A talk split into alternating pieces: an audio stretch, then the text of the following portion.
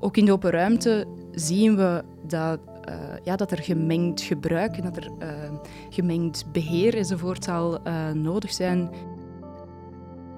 Wij vonden eigenlijk onmiddellijk dat we zorgzamer moesten omspringen met een relatief groot bebouwbaar terrein op wandelafstand van de dorpskern.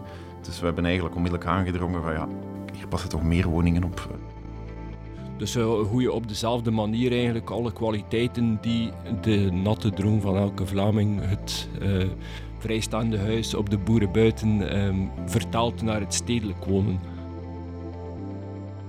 Twee genomineerden en één winnaar van de Belgian Building Awards 2023. Dat zijn de drie praatgasten die vandaag te gast zijn in de podcaststudio van Architectura.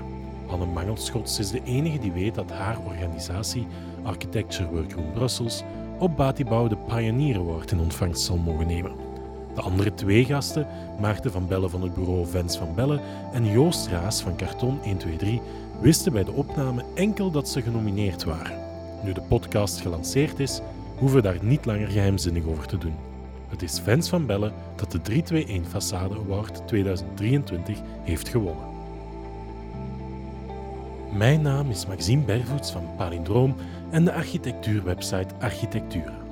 Samen met Batibouw heeft Palindroom ook dit jaar de Belgian Building Awards georganiseerd en samen met Batibouw brengen we deze podcast. Rick Neven, zaakvoerder van Palindroom, zal in het gesprek onze drie gasten aan de tand voelen over enkele interessante hete hangijzers in de architectuurwereld.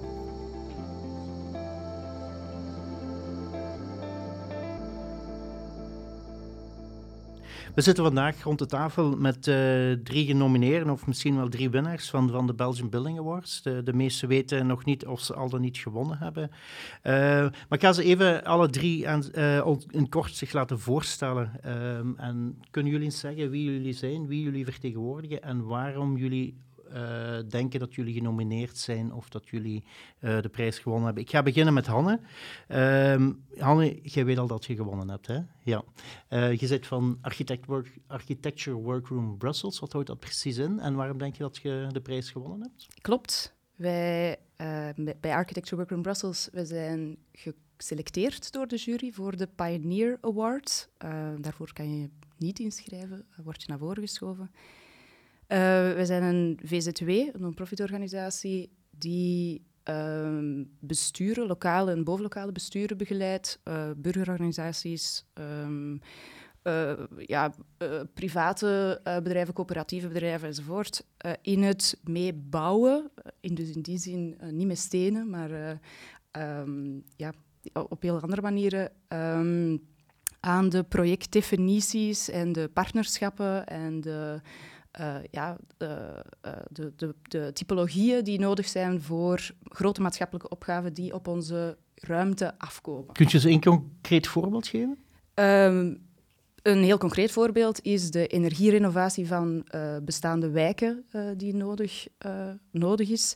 We zijn eigenlijk op vier, uh, op vier grote thema's uh, aan de slag. Dat gaat ook over de water- en klimaatopgave in steden of bedrijventerreinen of uh, landschappen. Het gaat ook over voedselstrategieën en hun strijd om open ruimte die al maar krimpt. En over de plekken en netwerken voor ontmoeting, voor talentontwikkeling, inclusie enzovoort. Die, ja. en Architecture Workroom Brussels, maar jullie zijn niet alleen in Brussel actief. Dat is wel jullie daar zijn jullie gevestigd, maar jullie zijn wel actief in, in heel België, denk ja, ik. Ja, we zijn ook heel actief in Vlaanderen en eigenlijk ook in Nederland. Dus wat wij de Eurodelta noemen, het, de, het gebied dat eigenlijk een soort eh, gedeelde ondergrond heeft, die, die in de delta-regio, dus de, uh, de rivierendelta, dezelfde uh, bodem, maar dus ook hetzelfde uh, ja, um, potentieel voor voedselproductie enzovoort en eigenlijk een heel ander soort verstedelijking heeft gekend, maar daardoor heel veel van elkaar kan uh, leren. De twee andere gasten zijn uh, genomineerd. Ze weten zelf nog niet of ze al dan niet uh, gewonnen hebben. Hanne, ze zijn genomineerd binnen de categorie 321 façade. Waren dat volgens u terechte nominaties en wat sprak u aan in deze twee projecten?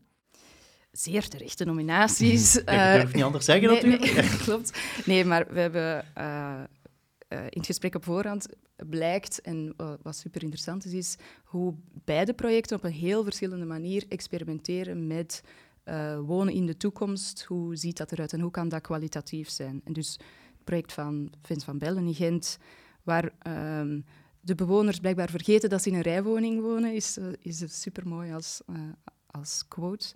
Um, Karton 123 en Nollekes, dat eigenlijk een familieproject is, zou je kunnen zeggen. En in een totaal andere, niet-stedelijke uh, context, een klassieke verkaveling, um, wel gaat zoeken naar ja, wat zijn manieren van samenleven en samenwonen en hoe, hoe kan dat soort intergenerationeel project eigenlijk ook uh, kwaliteit bieden. Dus, -hmm.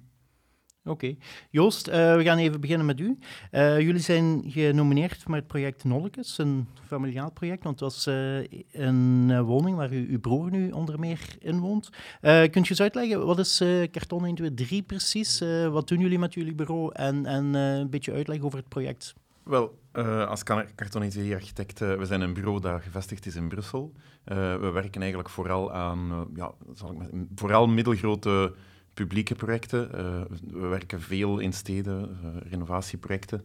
Uh, maar we blijven ook wel particuliere opdrachten doen. We zijn eigenlijk zo'n relatief klein en flexibel bureau, zal ik maar zeggen. Mm -hmm. Ja, speciale naam, karton 123, maar de uitleg is heel eenvoudig. De uitleg is inderdaad simpel. Het is de, de straatnaam gewoon, karton de Viaarlaan nummer 123. Oké. Okay.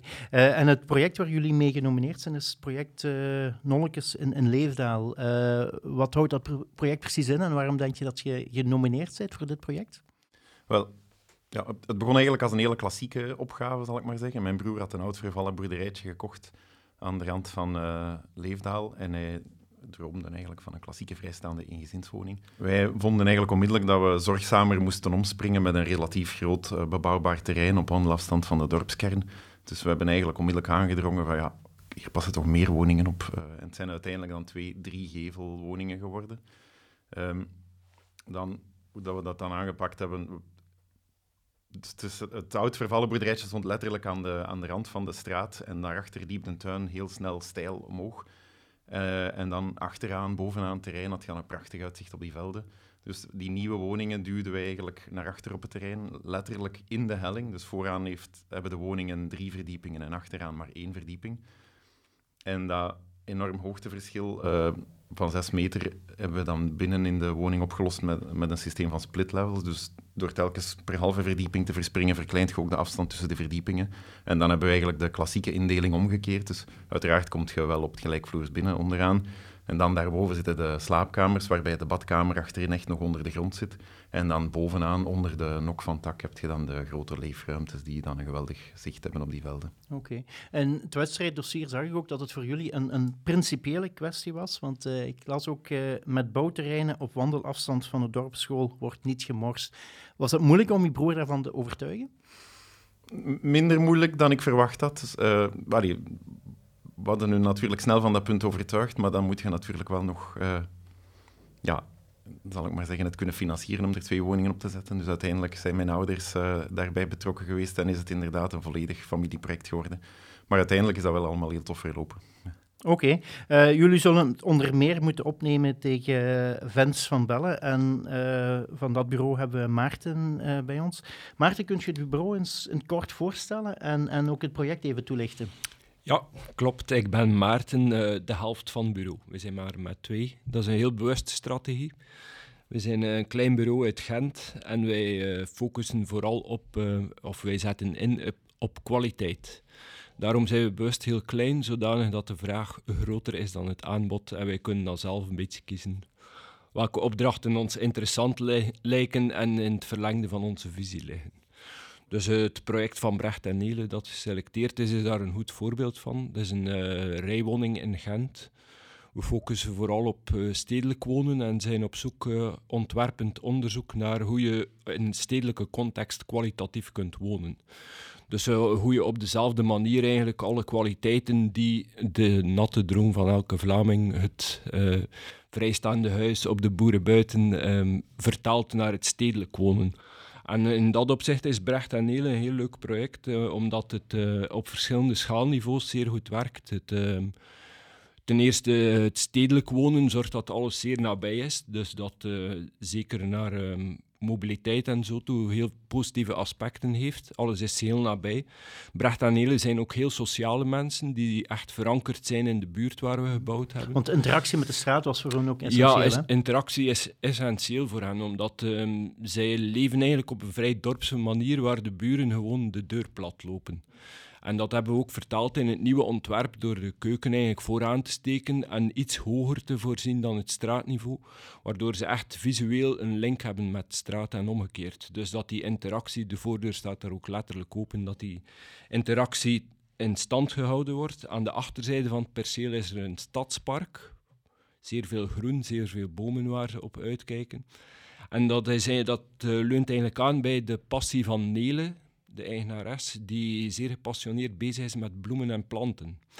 Dus eh, we hebben dat eigenlijk als een soort uitgangspunt genomen in Hans het ontwerp. Hans het ontwerp richt zich op het groen en integreert ook het groen. In de Je noemt het in het wedstrijddossier ook out of the box zonder te choqueren.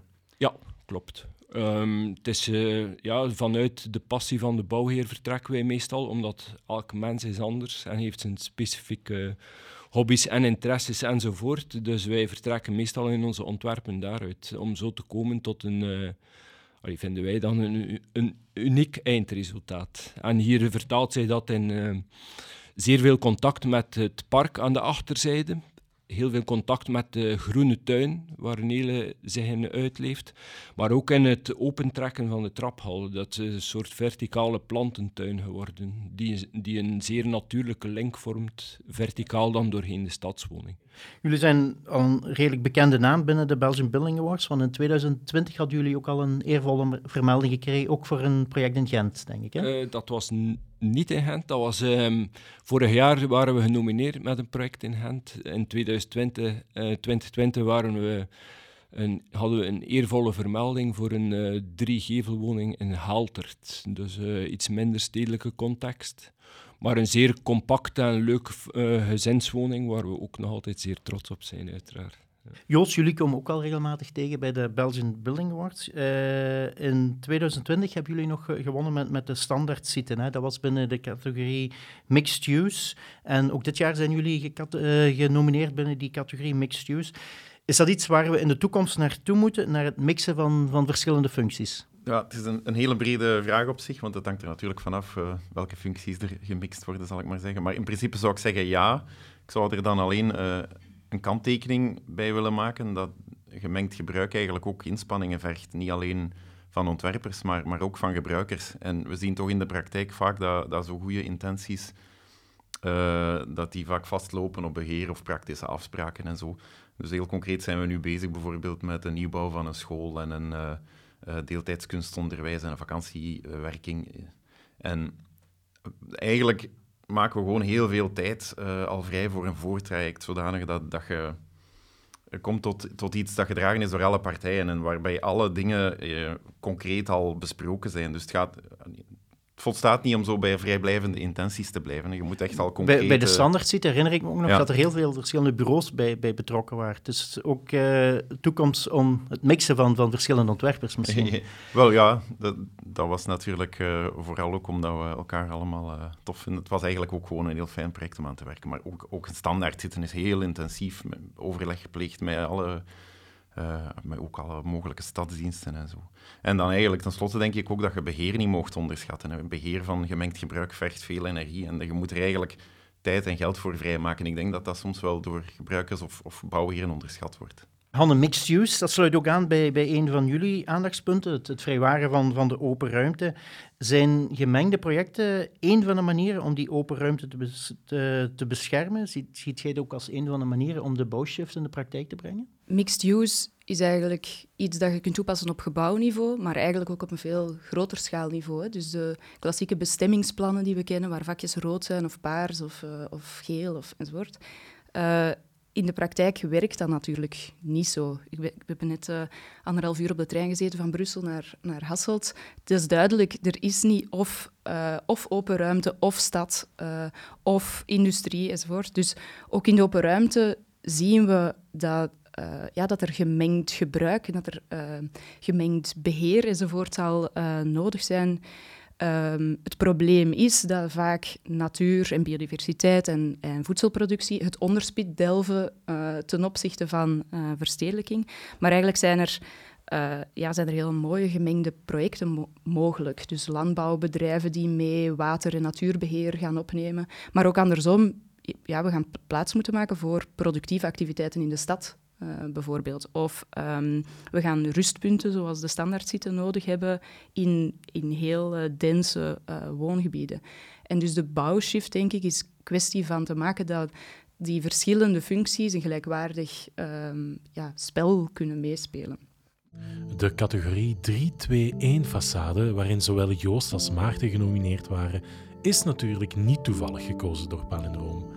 De viergevelwoning is bewust uitgesloten, een signaal dat er meer gekeken mag of misschien zelfs moet worden naar een ander type woning. Maar is dat wel een correct signaal? Hebben viergevelwoningen op dit moment nog hun plaats in het landschap? Het zou wel eens een genuanceerd verhaal kunnen zijn. We leggen het onderwerp op tafel. Op zich zou ik antwoorden dat uh, de prioriteit bij inderdaad de rijwoningen enzovoort moet liggen, omdat uh, die het meest aanwezig zijn in stedelijke context. Maar we zijn ook bezig met viergevelwoningen te bouwen. Maar dan proberen we op een andere manier dezelfde kwaliteiten te injecteren in een project. Ik denk dat vooral het, hier, het viergevelwoning uh, item um, in twee delen uiteenvalt. De, het uh, ideaalbeeld van de Vlaming die zijn tuin wil en zijn vrijstaand huis is de laatste decennia geëvolueerd naar eigenlijk een uh, zeer kleine woningen op veel te kleine percelen. En in die zin zijn we niet goed bezig met ons ruimtegebruik. Um, als, je als je natuurlijk een zeer groot perceel hebt en je, je stapt af van het idee dat op één perceel één vrijstaande woning moet staan, dan uh, bieden zich tal van andere mogelijkheden aan. En kun je wel nadenken over hoe kan ik op een kwalitatieve manier een viergevelwoning bouwen. En toch een bepaalde densiteit en, en andere kwaliteiten integreren in het project. Mm. Dus maar het is niet zo weigeren jullie soms, als je bepaalde vragen krijgt van uh, opdrachtgevers, dat je zegt van ja, maar... Ja, wij weigeren vaak uh, opdrachten. Uh, we weigeren veel meer dan dat we in meestappen. Dus in die zin uh, proberen we wel te kijken of een opdracht aansluit bij onze visie. En proberen wij ook als bureau bewust bezig te zijn met, uh, met uh, een nuttig ruimtegebruik, dat er geen ruimte verspild wordt. Maar het een sluit het ander zeker niet uit. Ook op een, met een vrijstaande vierhevelwoning kan je kan je een gebouw neerpoten dat nog uh, voor de volgende generaties kwalitatief kan zijn. Joos, hoe, staan jullie daar tegenover? Want uh, als het gaat over die discussie van, van de vier gevelwoningen, valt me heel dikwijls op dat heel veel architecten achter die visie, die boodschap van Leo van Broek staan. Dus dat we moeten afstappen van die vier gevelwoningen. Maar als ik dan kijk op de websites van architecten, pakken ze nog heel veel uit met, met vier gevelwoningen. Zou architecten dan meer moeten weigeren, die opdracht? Of is dat niet haalbaar? Ja, wel, wij weigeren ze dan wel doorgaans. Allee, we kijken vooral ook naar de, naar de ligging, zal ik maar zeggen. Hè. Dat als, als het een vrij, vrijstaande woning is, maar die eigenlijk wel nog goed gelegen ligt aan een, aan een dorpskern, dan, dan zullen we misschien wel... Allee, het, is, het is hypothetisch natuurlijk, maar dan zullen we misschien wel geneigd zijn om ze aan te nemen om, om er dan uh, meerwaarde in te creëren, bijvoorbeeld door er intergenerationeel of door de mogelijkheid te voorzien dat er uitbreiding uh, mogelijk is. Uh, dus door de toekomst van dat perceel dan niet te hypothekeren, bijvoorbeeld, zou je dat dan wel kunnen aannemen. Maar moest het echt gewoon, bij wijze van spreken, een zonevreemde vrijstaande woning ergens te velden, dat zouden we denk ik niet, niet aannemen zelf. Veel mensen gaan ervan uit dat ze aan woonkwaliteit zullen moeten inboeten als ze opteren voor een rijwoning in vergelijking met een vrijstaande woning. Hebben ze ongelijk? Ik denk wel inderdaad dat de, de woonkwaliteit van een rijwoning wat onderschat wordt. Uh, wij wonen zelf in een rijwoning in Brussel en het is eigenlijk vooral een, een heel generisch plan, zal ik maar zeggen, maar dat biedt echt een enorme flexibiliteit. Dus we hebben echt in ons huis al overal wonen, slapen, werken, want ons bureau zit ook in ons huis. Dat, dat heeft al letterlijk op elk verdiep, op elke plek gezeten en, en dat verandert in functie van wat je nodig hebt op dat moment. Dus dat biedt eigenlijk wel uh, heel veel vrijheid. En ik vind de, de bereikbaarheid ook een, een, niet te onderschatte kwaliteit. Dus dat, het feit dat wij alle voorzieningen te, uh, met de fiets of te voet kunnen bereiken, geeft mij veel vrijheid. En dan, dan in dat opzicht, denk ik, is de woonkwaliteit van slecht gelegen vrijstaande woningen behoorlijk overschat. Dus ik zou dat zelf eigenlijk een grote beperking vinden om overal de auto te moeten nemen. Uh, en, en dat, allee, gelijk Maarten daar juist al zei, heel vaak valt dat ideaalbeeld van wonen in de natuur in de praktijk al, uh, al dik tegen. Mm. Hanne, dat was voor u persoonlijk zelf ook een reden om in Brussel te gaan wonen misschien? Ja, ik uh, kom uit het hartje Kempen en ik ben naar het, het dynamische Brussel verhuisd. Um, inderdaad, vooral om ja, de dynamiek die er, die er daar bestaat. Ik woon vlak bij het werk. Ik, ik woon op vijf minuten van het station. Ik heb heel veel vrienden uh, dichtbij wonen. Die, ja, dat, dat bruisende leven is iets dat heel anders is. Uh, uh, ja in, in een dorp of, een, of in een verkaveling. Ja. Maarten, laten we eens kijken naar, naar de, de, technische aspecten van, van zo'n rijwoning. Uh, in hoeverre zijn lichtinval en, en privacy uh, moeilijker te rijmen met een rijwoning dan bijvoorbeeld met een vrijstaande woning?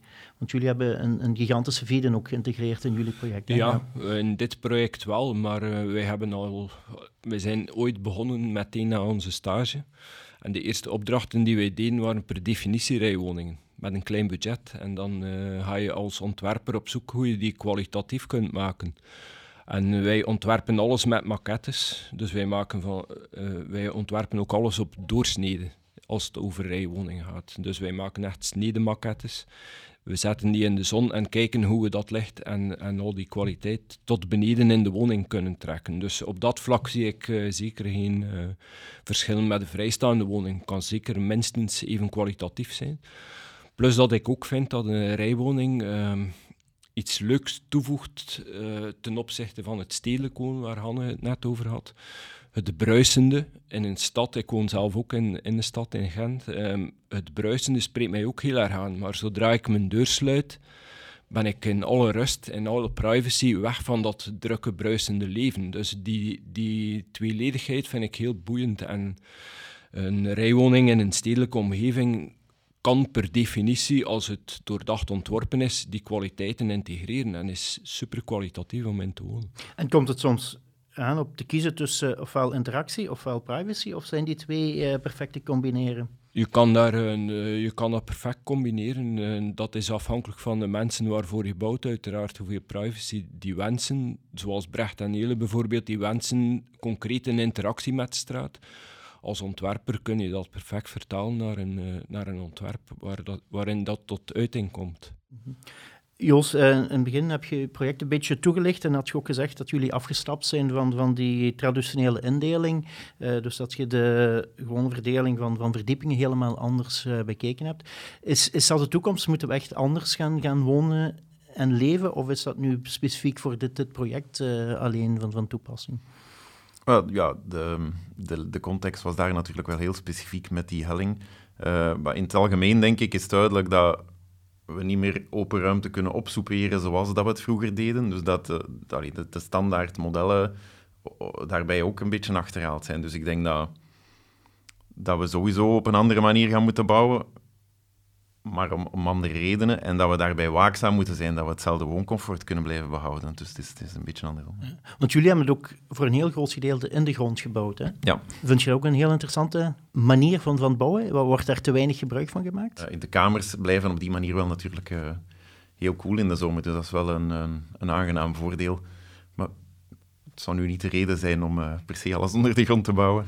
Mm -hmm. ja, ja, want er zijn veel bureaus. Allee, enkele bureaus die daar heel sterk op inzetten. Ik denk aan, aan DMOA, die dat uh, heel regelmatig doen, die daar ook een architecturaal element van maken. Dus uh, dat biedt wel mogelijkheden, denk ik. In ons project van de Corbeek Winners hadden we ook zo uh, een, een die echt vreselijk vond om te warme slaapkamers te hebben in de zomer. En daar hebben we eigenlijk ook de slaapkamers verzonken onder de grond rond de patio geschakeld. Dus eigenlijk is het toch iets dat terugkeert af en toe.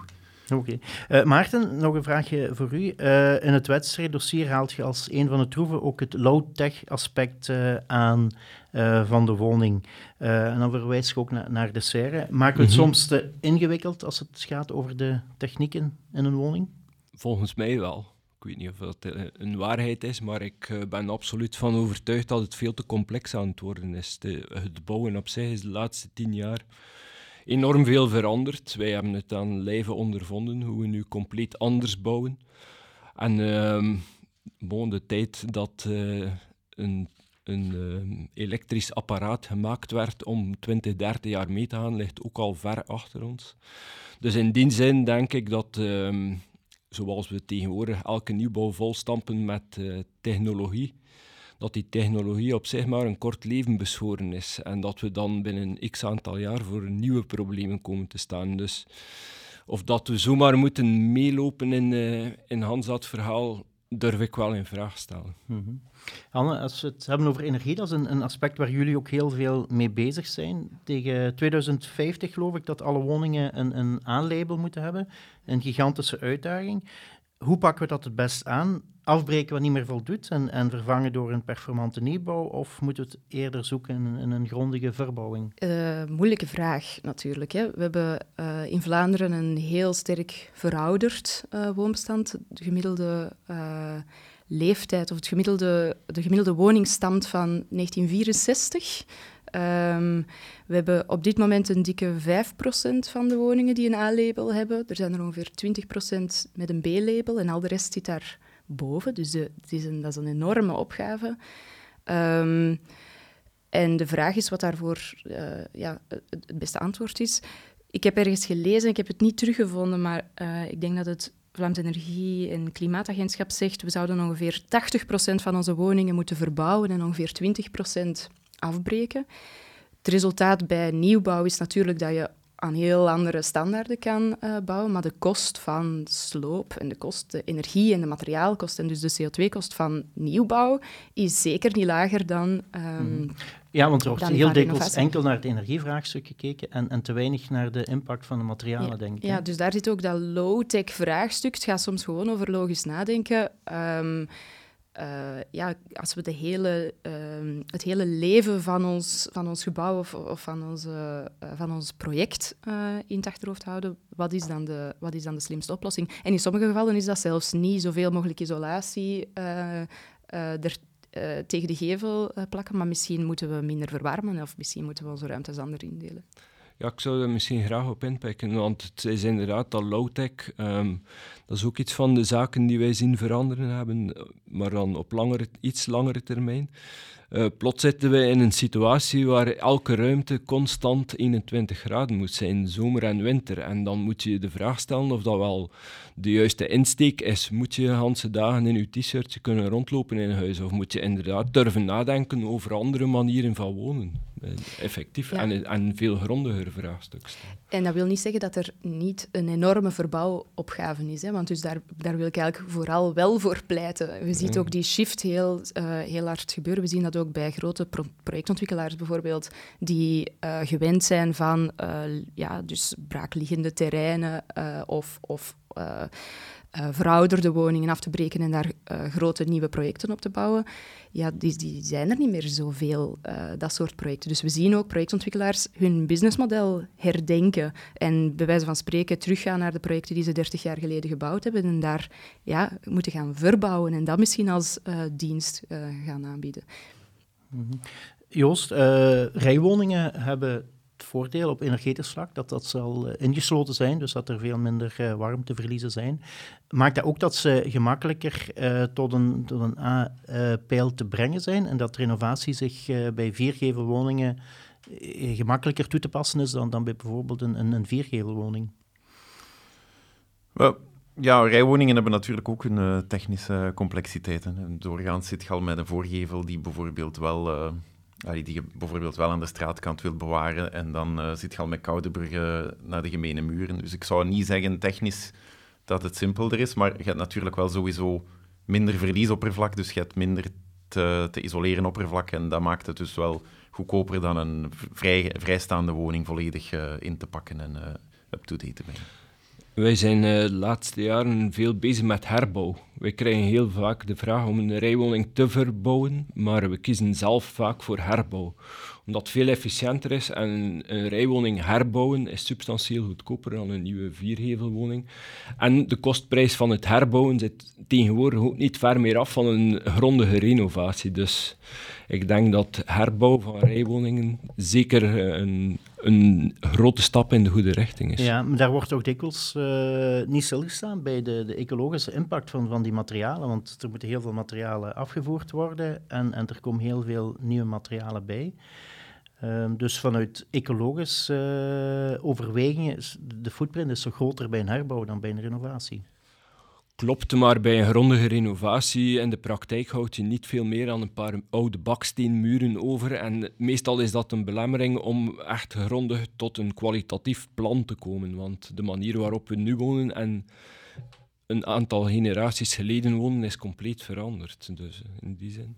Ja, het is ook zo dat we... We zijn nu bezig met de verbouwing van een uh, sociaal woningblok in uh, Molenbeek, in de Savonriestraat. En uh, daar waren we eigenlijk door de opdrachtgever ook gevraagd om daar een, uh, een totemberekening te doen. Dus een ma materiaal, een milieueffectenberekening van alle materiaalkosten. En zo kom je eigenlijk ook wel een soort contra-intuïtieve dingen tegen. Hè. Bijvoorbeeld, we hadden daar heel concreet berekend of we nu die bestaande vloeren, wat houten vloeren waren, moesten laten liggen of moesten vernieuwen.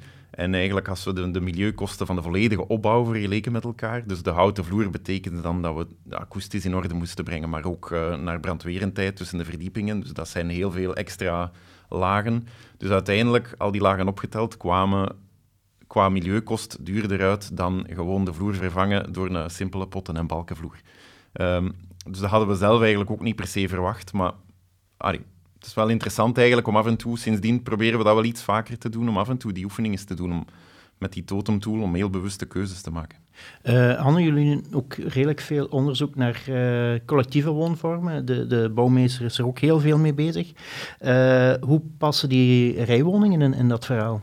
De zoektocht naar collectiviteit zit natuurlijk op zit op verschillende, uh, op verschillende plekken, zowel in waar dat voor de hand ligt, woningen en co-housings en appartementen waar je eigenlijk sowieso uh, ja, een gebouw deelt. Um, maar we zien eigenlijk zowel in rijwoningen en eigenlijk ook in de verkaveling uh, in, bij Leuven van Karton 123, de zoektocht naar hoe hoe, ja, hoe, wonen mensen samen en wat, wat, delen ze? En bij rijwoningen bijvoorbeeld zijn er, kan dat, dat kan in heel kleine dingen zitten ook. We zien super interessante projecten waarbij bijvoorbeeld een, uh, regenwaterpijp op de, op de perceelsgrens uh, als op het moment dat je daar water van gaat opvangen en gaat hergebruiken, hoe beheert je dat samen, bijvoorbeeld? Um, mensen die zonnepanelen op hun daken leggen, maar uh, zelf niet kunnen investeren in een eigen batterij, kunnen we zoiets op niveau van een straat doen. En kunnen mensen die dan geen zuidgerichte dak hebben, kunnen die daarmee um, op aansluiten? En eigenlijk heel veel ook, um, zoals uh, zoals Maarten al vertelde over uh, de bewoners in Gent, heel veel gebeurt ook in de straat en veel, heel veel interactie met, uh, met de straat. We hebben met COVID ook gezien dat, daar, dat er een enorme dynamiek is in zomerstraten en in activiteiten die buren samen organiseren. Er zijn heel mooie voorbeelden van mensen die ja, leegstaande, een leegstaande nachtwinkel of een leegstaande um, apotheek of zo gaan innemen en daar buurtactiviteiten organiseren. Dat kan dus ook gewoon in een stad waar iedereen zijn eigen, uh, zijn eigen woning heeft. Nog even terug naar het uh, energieaspect. Uh, jullie focussen ook sterk op energiewijken. Mm -hmm. moeten we, als het over energie gaat en verwarming en zo verder, afstappen van de individuele benadering en meer op wijkniveau gaan kijken? Ja, we zijn dat op zijn minst aan het aan het verkennen. Dus er zijn een aantal uh, technische zaken die natuurlijk woning per woning zullen moeten aangepakt worden. Zeker in, deze, in de Belgische uh, context, waar er heel veel individueel uh, gebouwd is.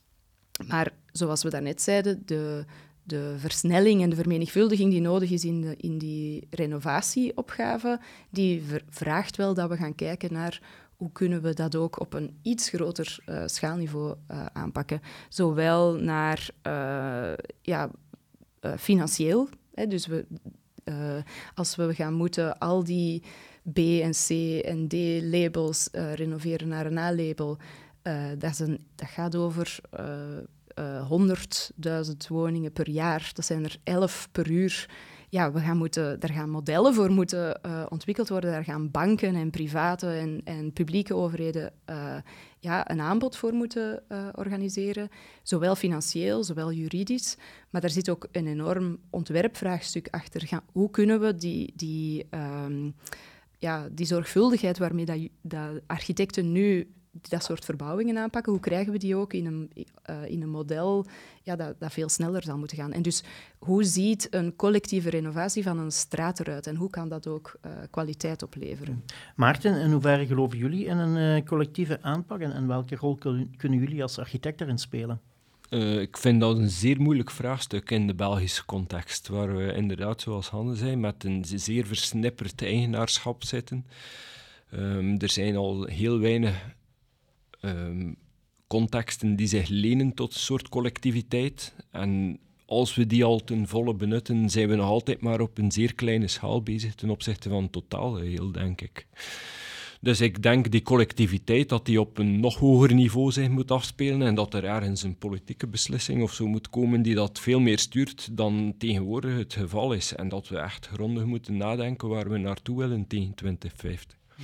Joos, uh, welke rol zou de architect volgens u moeten spelen in de algemene energietransitie? En, en is jullie taak ook uh, veranderd door die verschillende nieuwe uitdagingen die zich vandaag stellen? Ja, veranderd uiteraard. Het is, het is inderdaad wel technisch complexer geworden, dus dat is al, dat is al wel aangehaald. Maar ik, ik denk dat er ook wel opportuniteiten zijn uh, voor architecten. In, allee, in de zin dat het is duidelijk dat de focus nu meer uh, gaat richting verdichting en renovatie. Dat betekent, zoals Hanne al gezegd heeft, ontwikkelaars gaan niet meer zomaar een plan uit de schuif kunnen trekken. Uh, en dat maakt eigenlijk dat, dat, echt onze oerrol, zal ik maar zeggen, van, van de rol als, als architect die die ruimtelijke oplossingen bedenkt, dat die eigenlijk gewoon terug veel belangrijker gaat worden. Dus ik denk dat dat eigenlijk ook wel uh, interessant is. Ik denk als architect, als je gepassioneerd bezig bent met je job, dat je echt woningen en andere gebouwen kunt maken die vele generaties kunnen overleven. En ik denk dat daar een heel belangrijke sleutel zit in het energievraagstuk. Dat is ook iets waar wij voor pleiten om echt grondig na te denken over ruimtes die je creëert. Zodanig dat je geen ruimtes creëert die bestemd zijn om één generatie te overleven, maar echt veel verder durven denken aan bepaalde ruimtelijke kwaliteiten integreren waar mensen van beginnen houden en ook respect voor hebben, zodanig dat die meerdere generaties kunnen overleven. Oké, er zijn al heel wat interessante thema's aan, aan, aan bod gekomen en we gaan hier ook uh, stilaan afronden met, met de podcast. Maar we zouden willen besluiten met een rake quote van elk uh, panelid. Een korte, krachtige quote die ook illustratief is voor zijn visie op, op maatschappij en architectuur. Uh, we gaan beginnen met Maarten. Maarten, welke quote heb jij opgedist? Durf kleur bekennen. En ik wil dat zeer breed trekken. wij, wij, wij zoals gezegd, wij zijn een klein bureau, wij stellen alles in vraag. En dat is onze ambitie vanaf dag één, om alles te blijven in vraag stellen. En op het moment dat je die focus en scherpte verliest, dan, uh, dan ben je al minder goed bezig. Dus in die zin moet je durven dingen in vraag stellen, maar ook met antwoorden afkomen. En daarin moet je kleur bekennen. Je moet durven een bepaalde visie uitbouwen die zich over heel veel aspecten uitspreekt. Dus um, een warme oproep. en mogen we dat ook letterlijk interpreteren? In ons geval is dat ook vaak letterlijk te interpreteren. Wij zijn ook niet bang om bepaalde kleuren te integreren in onze, in onze ontwerpen. En in die zin durven wij ook op dat vlak wel kleur bekennen. En uh, zo de grijze middelmaat in Vlaanderen neem ik iets te veel waar en daar wil ik gerust uh, een beetje van afstappen. Prima. Joos, welke quote is typerend voor jouw visie op architectuur en maatschappij? Wel, we hebben ooit uh, een lezing uh, moeten geven waar dat we dan de titel aangegeven hadden: uh, Arrange whatever pieces come your way. En dat is een quote uit het dagboek van Virginia Woolf. Um, en voor haar ging dat eigenlijk gewoon om veerkracht, om eigenlijk het leren omgaan met altijd wijzigende situaties. En ik denk dat dat in de context van architectuur ook sowieso wel een, een nuttige houding is. We hadden toen ook letterlijker opgevat, dus de, de houding van zo de architect-bricoleur die aan de slag gaat met alles wat hij op zijn weg tegenkomt in de loop van het project. Boeiend. Uh, laatste woorden is aan de enige vrouw in ons gezelschap, Hanne. Uh, welke quote heb jij voor ons? Ik vind dat een moeilijke vraag. Um, ik heb um, het concept misschien eerder dat CityMind in een van onze samenwerkingen naar voren schoof, van het radical prototype um, meegenomen omdat uh, waar dat eigenlijk achter zit, kunnen we veel meer leren door te doen en door te ervaren en door uit te testen en door samenwerkingen aan te gaan en door um, ja, samen zaken te gaan beheren. Die hele grote concepten en moeilijke opgaven ja, laten zien hoe dat er um, kwalitatief kan uitzien. Prima. Uh, dankjewel. Hanne, proficiat alvast nog met uh, jullie Pioneer Award, die uh, binnenkort zal uitgereikt worden. Uh, Maarten en Joost, jullie zullen nog enkele dagen moeten wachten of jullie al dan niet gewonnen hebben. We zullen het later horen. Als deze podcast uitkomt, zullen we wel weten wie gewonnen heeft. Ik dank jullie heel veel. dank u wel. Met deze interessante quotes zijn we helemaal aan het einde gekomen van deze podcast. De podcast was een realisatie van Visa, de organisator van de beurs Batibouw, en Palindroom. Wil je meer weten over de Belgian Building Awards of over architectuur in België? Surf dan zeker eens naar onze website Architectura. Het interview werd afgenomen door Rick Neven. De montage en de voice-overs waren in handen van mezelf, Maxime Bervoets. Dit was meteen de eerste en zeker niet de laatste podcast die ik voor Palindroom en Architectura heb mogen realiseren. Bedankt voor het luisteren.